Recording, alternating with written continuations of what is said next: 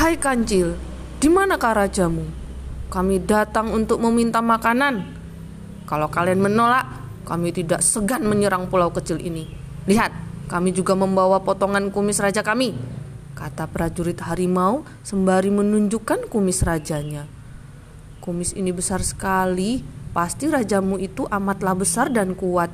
Kalau begitu, aku akan membawa kumis raja harimau dan menunjukkannya kepada raja kami, kata Kancil sembari bergegas pergi. Kancil sebenarnya bingung karena di pulau kecil tidak terdapat seorang raja. Tiba-tiba Kancil melihat sahabatnya, yaitu seekor landak yang sangat besar. Kancil yang cerdik pun langsung menemukan sebuah ide.